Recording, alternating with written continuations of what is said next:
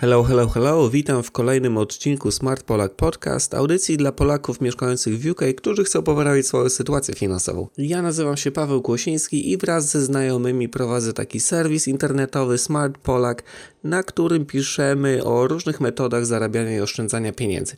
Jeżeli trafiłeś y, na tą audycję w jakiś inny sposób, nie przez stronę internetową, no to jak najbardziej zachęcam Cię do jej odwiedzenia, bo jest tam naprawdę sporo wartościowych informacji na ten temat. Słuchajcie, no, mm, sorki przede wszystkim za to tygodniowe opóźnienie. Generalnie wypuszczam ten podcast raz na dwa tygodnie, natomiast odcinek y, ósmy pojawił się trzy tygodnie po odcinku siódmym.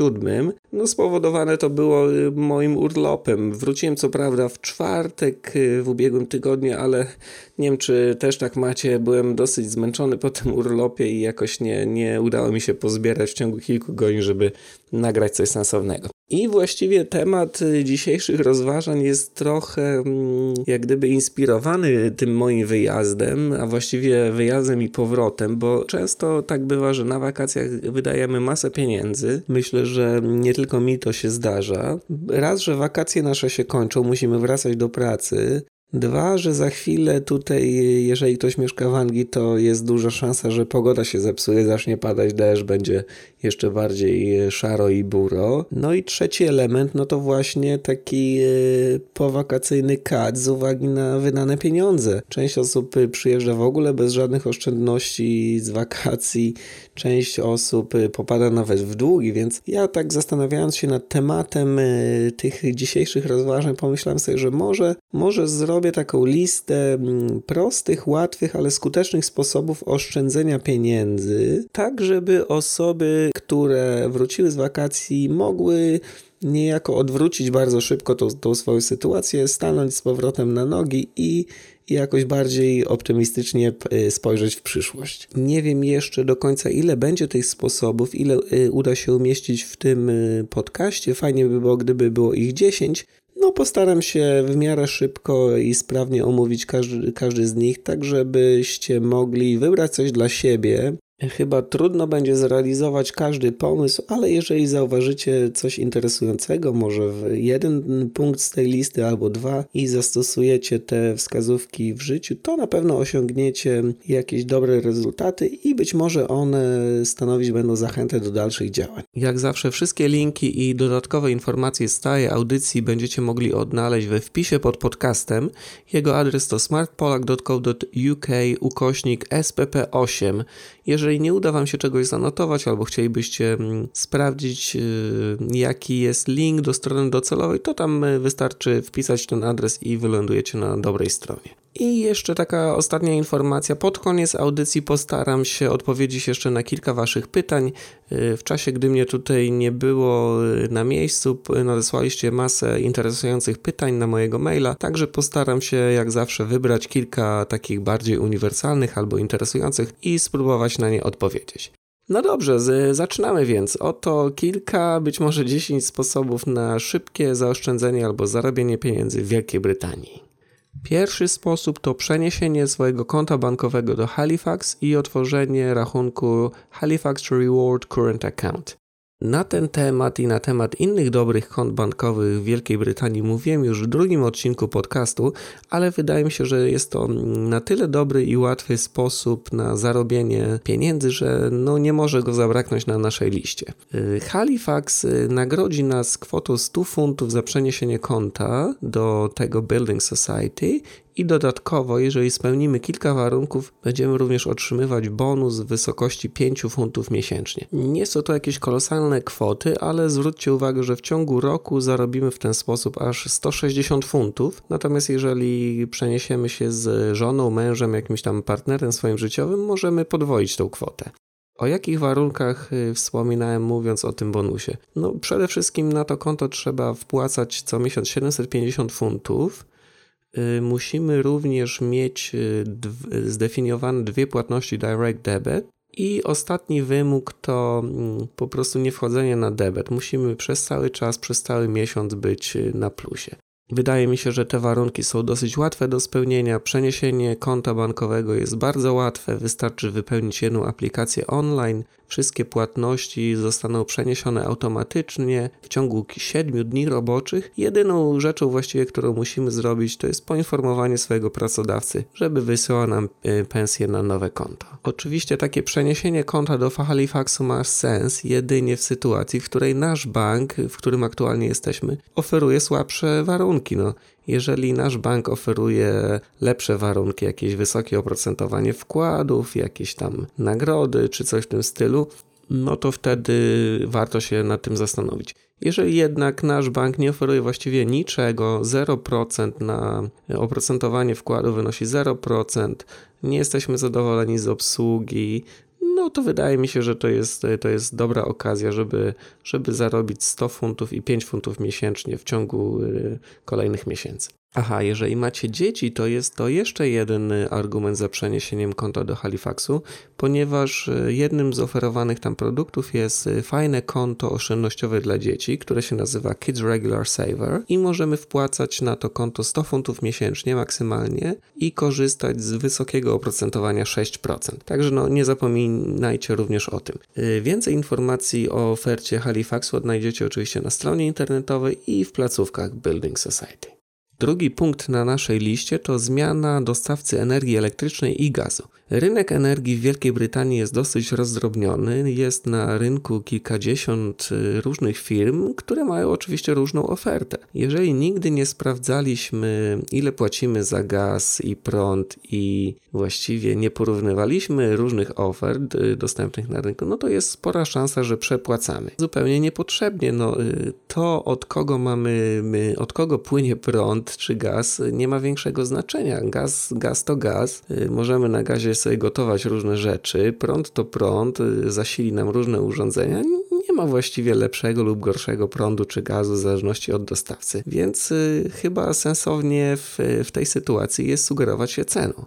No właśnie, ale jak sprawdzić, y, jakie oferty są dostępne? No, możemy skorzystać ze specjalnej strony internetowej, na której wpisujemy tylko nasz adres, to ile mniej więcej płacimy za prąd i gaz y, w danym miesiącu, no i po chwili pojawią się wyniki. Będziemy wiedzieli, ile możemy potencjalnie zaoszczędzić i jak w ogóle oferta nasza aktualna wygląda na tle ofert innych dostawców. Jeżeli okaże się, że możemy możemy zaoszczędzić jakieś pieniądze, to wydaje mi się, że warto to zrobić. Ja sam y, właściwie raz w roku, raz na powiedzmy 18 miesięcy zmieniam dostawców, y, no i w ten sposób mamy tanią energię. Powiedziałbym, że w ciągu ostatnich czterech, być może nawet pięciu lat y, płacę właściwie tyle samo i uniknąłem, porównując różne oferty, uniknąłem wielu podwyżek cen. Samo porównanie jest bardzo łatwe. Ja na YouTube zrobiłem takie dwa filmiki, gdzie pokazuję dokładnie, jak to się robi. Jeżeli macie jakieś e, problemy z tym porównaniem, to sobie sprawdźcie. Natomiast pod podcastem umieszczę linki do stron internetowych, gdzie można takie porównanie zrobić. Będą to linki partnerskie, to znaczy, jeżeli zrobicie takie porównanie, to my możemy, nasz serwis może zarobić na tym jakieś pieniądze. E, tak gwoli wyjaśnienia. Aha, robiąc takie porównanie, pamiętajcie o dwóch sprawach. Należy jeżeli macie i prąd, i gaz w domu, to spróbujcie zrobić porównanie osobno dla prądu i dla gazu, a nie równocześnie, bo tak też można. Niektórzy dostawcy mają na przykład najtańszą y, energię elektryczną, ale dosyć drogi gaz. I jeżeli wybierzemy taką podwójną taryfę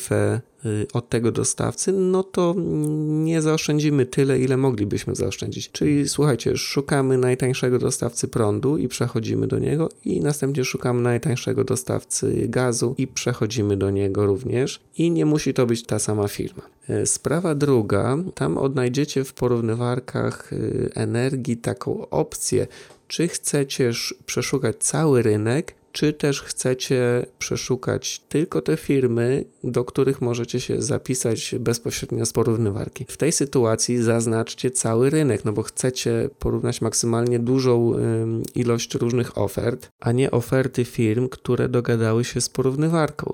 Nawet jeśli po wyświetleniu wyników okaże się, że dany dostawca nie jest bezpośrednio dostępny z porównywarki, to słuchajcie, no mały problem. Wystarczy, że odnajdziecie jego stronę internetową w Google i wypełnicie y, krótki formularz, albo zadzwonicie po prostu bezpośrednio i, i zmienicie dostawcę.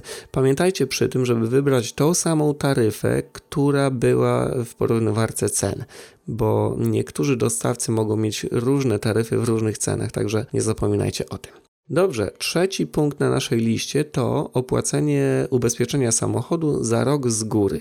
Wiele osób, również moich znajomych, wybiera opłacanie mm, swojej polisy miesięcznymi ratami, twierdząc, że tak jest wygodniej. Zamiast wpłacać jakąś dużą kwotę, mogą sobie na przestrzeni całego roku co miesiąc dokonywać mniejszych wpłat, no i w ten sposób nie odczuwają ich y, za bardzo. No niestety nie mogę się zgodzić y, z tą tezą, że tak jest łatwiej, ponieważ y, firmy ubezpieczeniowe za ten przywilej płacenia ratami naliczą sobie dodatkowe odsetki i w rezultacie rezultacie zapłacimy znacznie więcej. To o ile więcej zależy od dwóch elementów. Pierwszym z nich jest ta podstawowa cena polisy, no i drugim są te odsetki. W różnych firmach ubezpieczeniowych są różne, ale powiedziałbym, że stanowią z reguły 20%. Czyli jeżeli nasza polisa wynosi około 800 funtów, załóżmy, to dodatkowo zapłacimy 160 funtów rocznie, czyli całkiem sporo. Jeszcze tutaj na marginesie dodam, że firmy ubezpieczeniowe stosują często taki sprytny psychologiczny wybieg, żeby jeszcze niejako bardziej zachęcić nas do płatności ratami. Polega on na tym, że przy zakupie polisy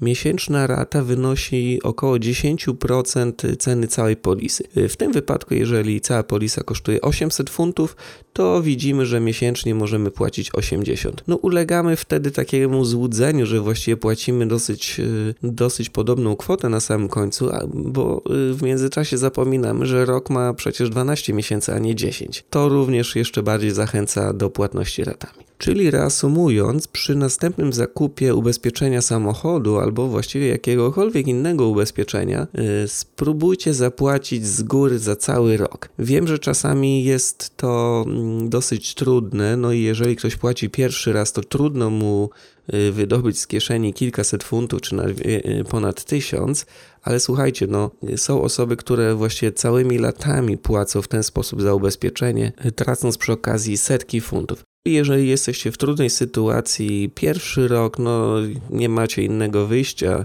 y, za bardzo, musicie zapłacić tymi ratami, ale w trakcie już tego roku spróbujcie sobie odłożyć y, jakąś tam kwotę, tak żeby przy odnowieniu polisy być gotowym na płatność za cały rok. No i oczywiście w kolejnych latach również płacimy za rok z góry. Dobrze, kolejny punkt na naszej liście.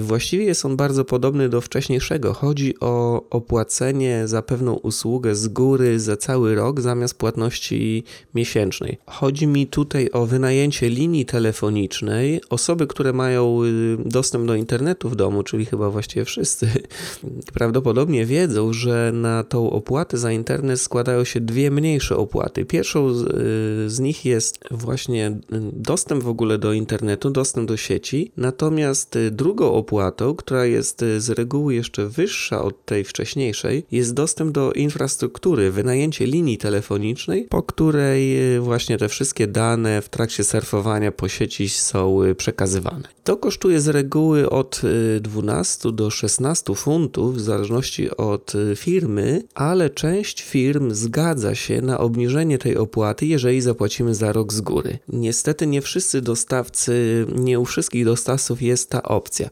ale jeżeli jesteście klientem jednej z tych firm, EE, Virgin Media, Plusnet albo TokTok, chyba to ostatnie jest dosyć popularne wśród Polaków, to płacąc za line rental z góry możemy oszczędzić e, kilkadziesiąt funtów. E, w wypadku EE jest to 57 funtów, Virgin Media to jest prawie 40 funtów, e, Plusnet 35 i TokTok 19. Skorzystanie z tej opcji jest dosyć łatwe, wystarczy, że skontaktujecie się ze swoim dostawcą i powiecie, że chcecie zapłacić za line rental z góry. No i wtedy w zależności od dostawcy płacicie 160 czy tam 180 funtów, natomiast przez 12 miesięcy ta opłata nie jest naliczana, tylko płacicie za dostęp do internetu. Tak na marginesie dodam, że wielu dostawców internetu jest skłonnych do negocjowania cen nie tylko za line rental, ale też za tą podstawową usługę. Także jeżeli załóżmy nie jesteście y, klientem z jednej z tych wymienionych firm, to również warto skontaktować się z dostawcą i zwyczajnie poprosić o obniżenie ceny. Aktualne ceny wszystkich dostawców internetu w UK możecie sprawdzić w takiej tabelce y, na naszym serwisie, także ja zamieszczę od razu y, dwa linki do zwykłego internetu i do szybkiego internetu, żebyście mogli się zorientować i sprawdzić, czy nie przepłacacie. Dobrze, piąty już punkt na naszej liście to jest y, korzystanie ze stron typu cashback.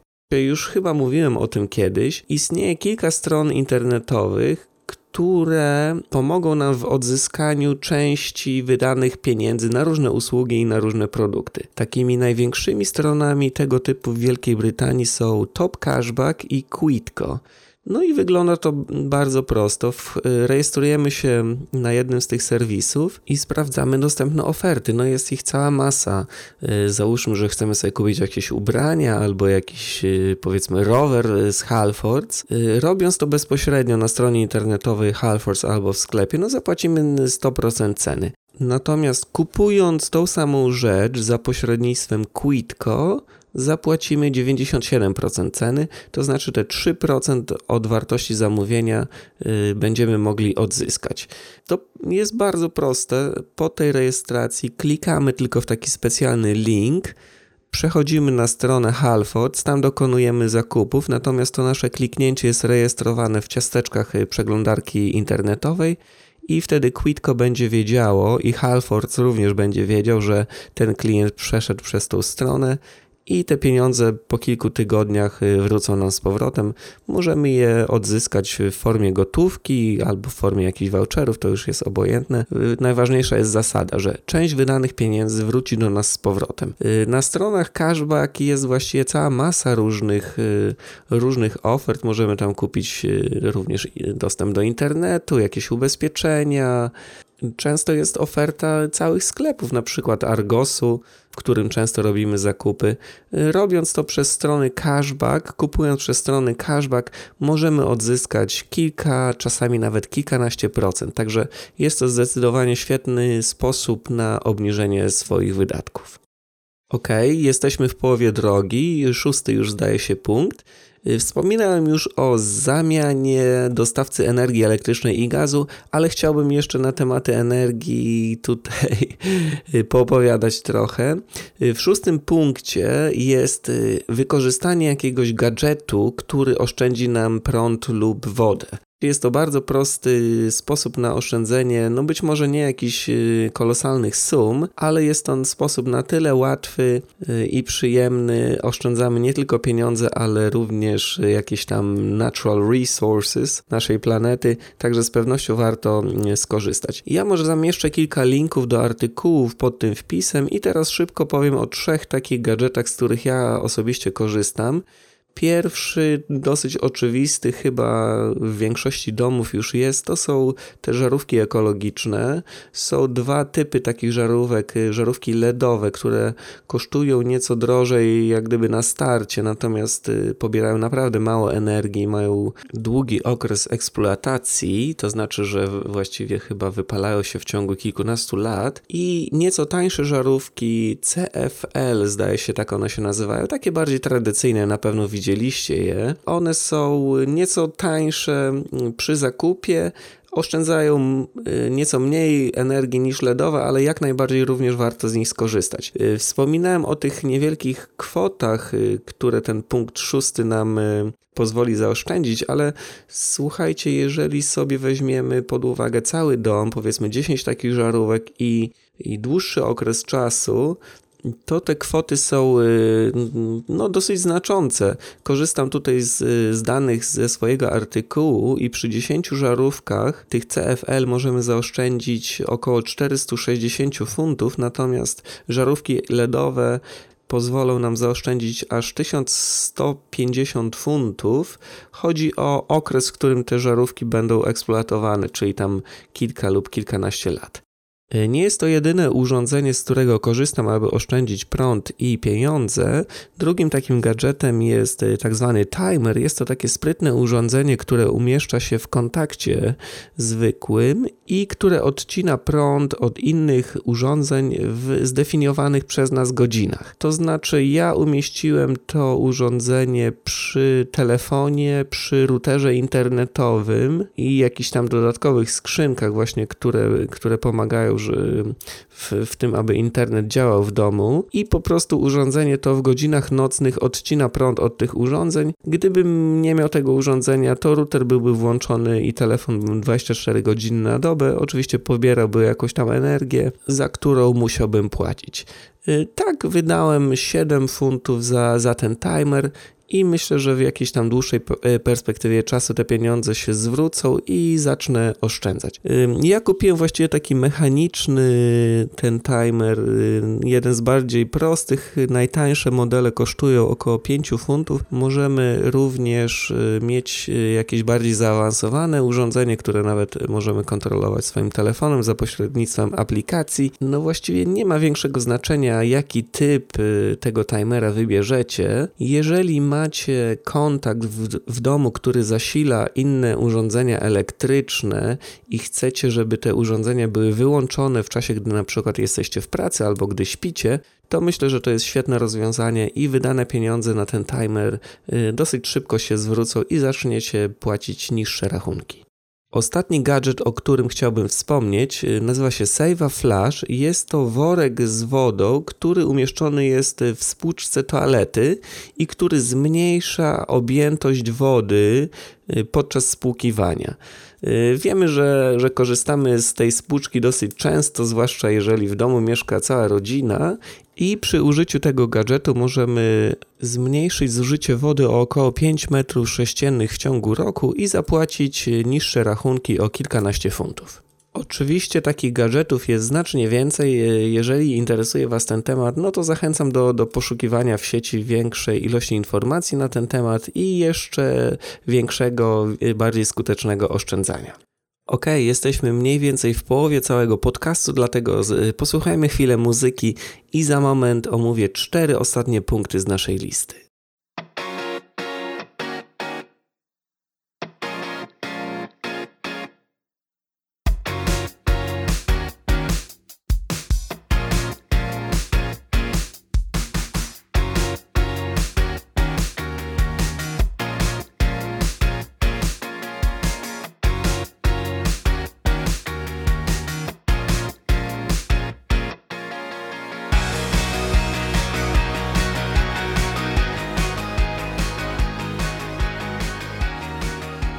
Witam ponownie, mam nadzieję, że odsapnęliście odrobinę tak jak ja y, i przystępujemy do czterech ostatnich punktów z naszej listy sposobów na szybkie y, oszczędzenie pieniędzy tuż po urlopie.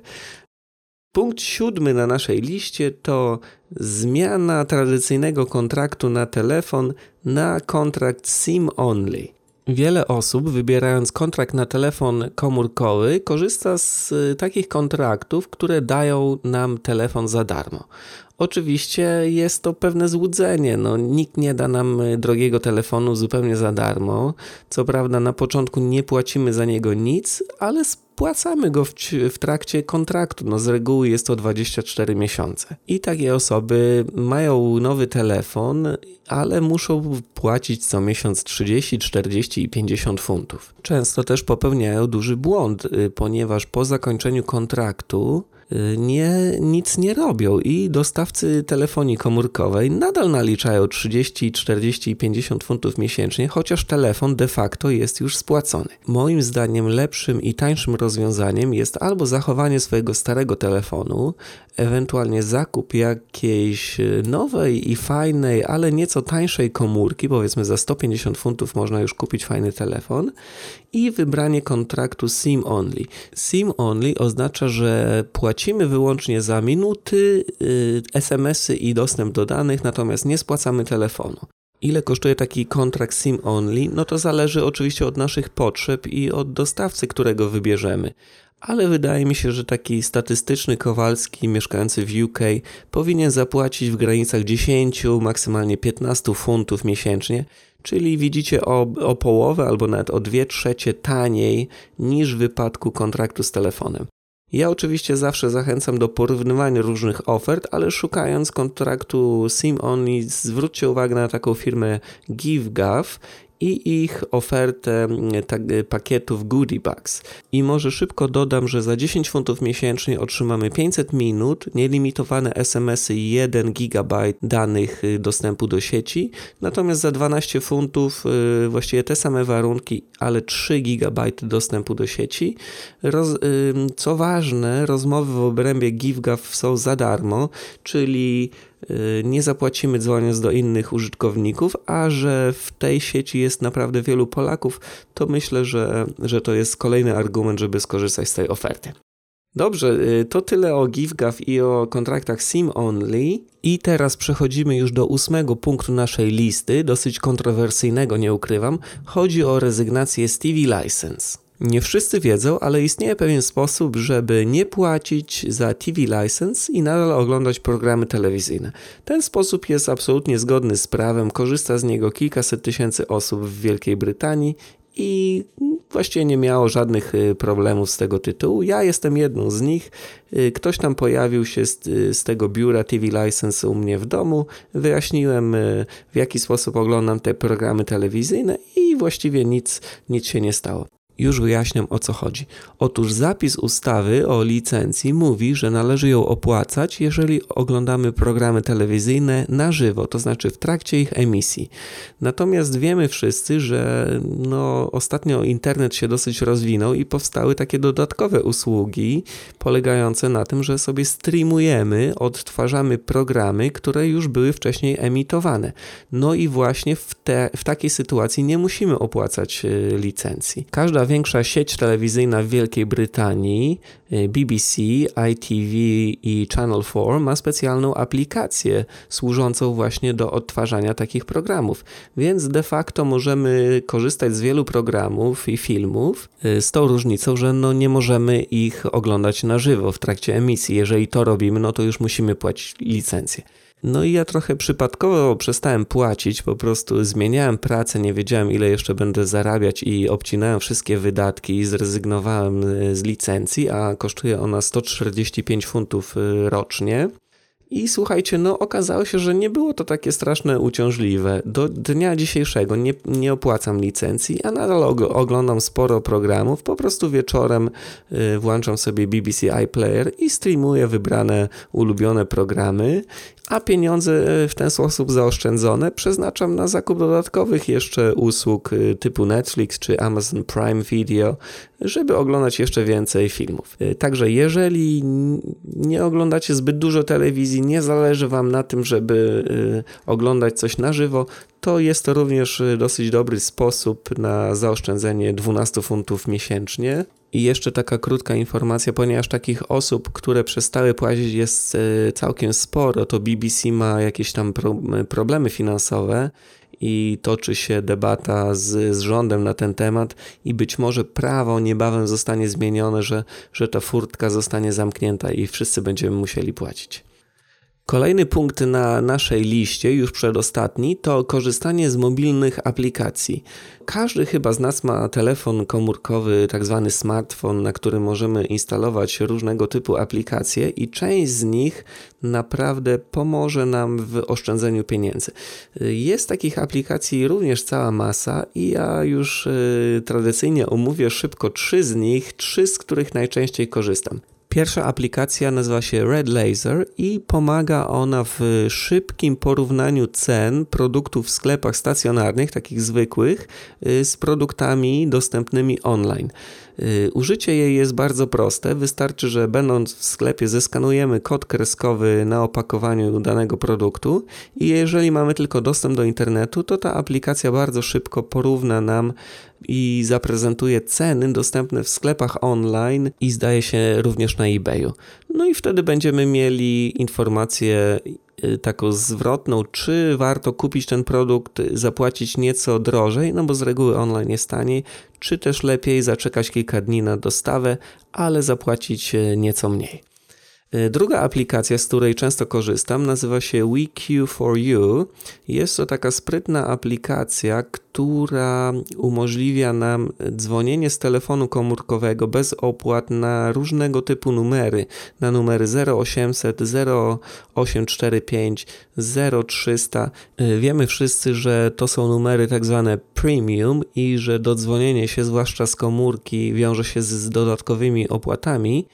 Y, dzięki tej aplikacji, aplikacja ta wykorzystuje takie zwykłe połączenie stacjonarne, Także jeżeli mamy darmowe minuty od operatora, to właściwie y, bez żadnych, y, bez żadnych dodatkowych kosztów możemy dzwonić na numery premium.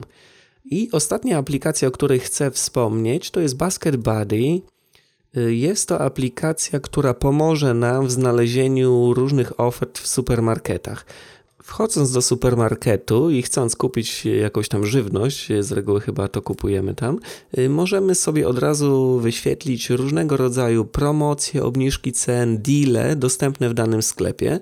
No i oczywiście, jeżeli y, wśród tych przecenionych rzeczy są takie, które chcemy kupić, no to y, kupujemy je i, i płacimy mniej przy kasie. Dodam jeszcze na marginesie, że ta aplikacja korzysta z danych y, wysłanych przez użytkowników Hot UK Deals, to znaczy, że te przeceny to nie są te przeceny, które akurat supermarket chce nam podsunąć i o których wiemy, że nie są to aż takie świetne deale. Nie, są to, są to obniżki cen i promocje zauważone przez ludzi, którzy uważają, że, że cena jest naprawdę atrakcyjna. Także jest to y, kolejny dodatkowy, jak gdyby, atut za używaniem Basket Buddy. Oczywiście, jak wspomniałem, tych aplikacji jest całe mnóstwo. Jeżeli znacie jakieś inne, no to zachęcam do zamieszczenia komentarza i opisania, w jaki sposób działają. Ostatni już punkt naszej listy. Hurra, udało się 10 y, punktów omówić. Y, chodzi o inwestowanie w peer-to-peer lenders, czyli y, firmy, za pośrednictwem których możemy pożyczyć pieniądze. Właściwie mówiłem o tym w, we wcześniejszym podcaście, w podcaście numer 7 szczegółowo i teraz tylko takie naprawdę podstawowe informacje. Myślę, że dobrze się stało, że to jest właśnie dziesiąty punkt, ponieważ zwróćcie uwagę, y, stosując te moje zalecenia y, z pierwszych dziewięciu punktów, y, jest spora szansa, że na waszym koncie będą jakieś dodatkowe pieniądze. No i chyba nie ma sensu, żeby, żeby tak leżały, warto je zainwestować i pomnożyć. I możemy łatwo to zrobić przy użyciu właśnie firmy peer-to-peer. -peer.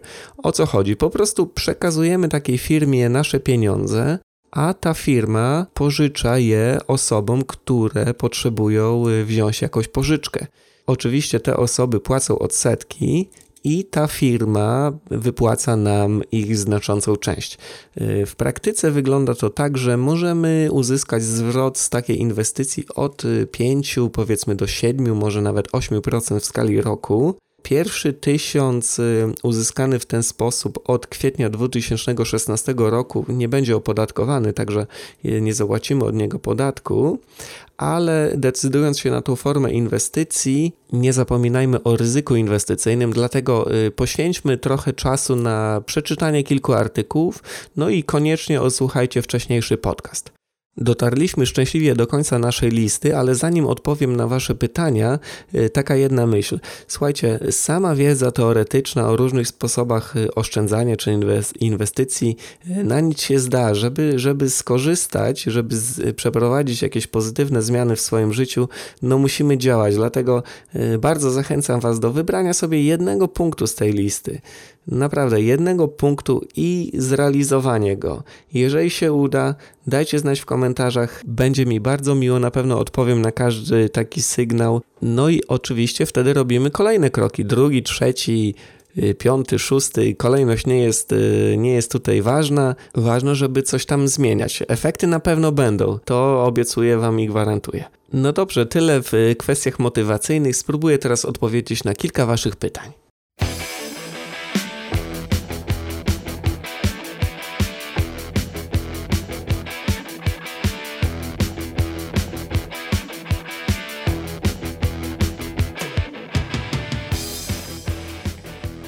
Agata w komentarzu do artykułu o brytyjskim obywatelstwie pyta o wymagania dotyczące pobytu, ile trzeba y, mieszkać w UK, zanim możemy starać się o obywatelstwo. Ja za bardzo nie jestem znawcą y, z tego działu, ale wydaje mi się, że y, pierwszy okres pięciu lat, w którym tu mieszkamy i pracujemy, po tym okresie mamy prawo do jak gdyby pobytu takiego stałego, natomiast żeby starać się o obywatelstwo, musimy mieć ten status rezydenta przez kolejne 12 miesięcy czyli według moich informacji przed y, wystąpieniem o brytyjskie obywatelstwo musimy tutaj mieszkać i pracować przez okres 6 lat i móc jakoś udowodnić ten fakt. Wiem, że władze pytają teraz y, wszystkich o te certyfikaty WRS, czyli Working Registration Scheme i osoby, które nie mają tego certyfikatu, nie, za, nie zarejestrowały się po przyjeździe do UK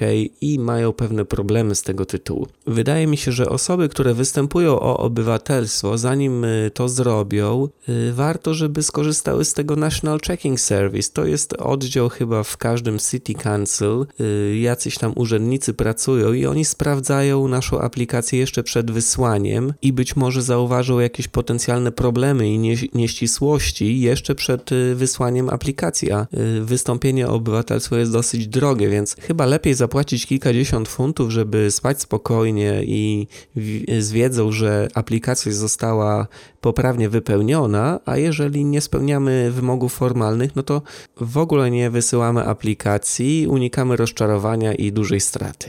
I ostatnie już y, tutaj spoglądam na zegarek, robi się późno, jeszcze muszę zmontować ten podcast, a jest już y, piątek y, po południu, więc ostatnie pytanie. Sebastian pyta mnie się o mm, drogą mailową o karty kredytowe. Jakie karty kredytowe moim zdaniem są dobre? Jakie mogę polecić? Czy warto mieć y, kartę kredytową? Mój pogląd y, na temat kart kredytowych trochę ewoluuje. Wcześniej miałem kilka kart kredytowych, używałem ich do różnych celów. Wiemy, że są na przykład dosyć fajne karty kredytowe 0%, które pozwalają nam na kupowanie rzeczy na kartę przez okres nawet dwóch lat lat y, i trzymanie pieniędzy na przykład na jakimś wysoko oprocentowanym koncie i zgarnianie odsetek. Także bawiłem się w takie rzeczy. Y, karta kredytowa też może nam pomóc w budowaniu y, tej historii kredytowej, ale w ciągu ostatnich miesięcy niejako zmieniłem swoje zdanie na ten temat, głównie za sprawą Dave'a Ramseya. On wydaje mi się trafnie zauważa, że Mając kartę kredytową, po prostu więcej wydajemy. Nie kontrolujemy tak tych swoich y, wydatków za bardzo. Wydaje nam się, że, że to jest y, tani kredyt, że będziemy zarabiać w ten sposób. Tymczasem okazuje się, że tak naprawdę wydajemy pieniądze na jakieś bzdety, y, mamy potem problemy ze spłatą tego zadłużenia, więc ja dałem sobie spokój z wszystkimi kartami poza jedną. Mam jeszcze tylko jedną taką kartę, Halifax Clarity, którą używam w czasie podróży, ale spłacam ją y, jeszcze w trakcie pobytu za granicą, więc nie mam po prostu żadnego długu na kartach. Jeszcze miałem taką niezbyt przyjemną przygodę. Ktoś y, chyba skopiował mi kartę zbliżeniową kredytową i pojawiły się jakieś y, transakcje nieautoryzowane na kilkaset funtów. Bank oddał mi pieniądze, ale, ale niesmak y, pozostał, więc, więc przerwałem te wszystkie karty. Miałem ich czasami trzy, trzy albo nawet cztery. Obecnie mam tylko jedną. Jeżeli ktoś jednak potrzebuje i chce użyć karty kredytowej, to mm, może skorzystać z jakiejś porównywarki finansowej, na przykład Money Supermarket albo chyba Love Money ma, ma dobrą sekcję o kartach kredytowych i tam wybrać odpowiedni produkt, ale jak, jak ja wspominałem, osobiście nie, nie zalecam już używania kart kredytowych. Jedyny dług, jaki możemy mieć, moim zdaniem, to kredyt hipoteczny. Słuchajcie, no dzięki wielkie za uwagę. Już y, czas y, się rozstać. Y, spotykamy się za dwa tygodnie. Dzięki serdeczne za odwiedzanie serwisu, za komentowanie artykułów, za lajki na Facebooku i, i wszelkie inne przejawy życzliwości i aktywności z Waszej strony. Pozdrawiam wszystkich serdecznie. Do usłyszenia za dwa tygodnie. Cześć.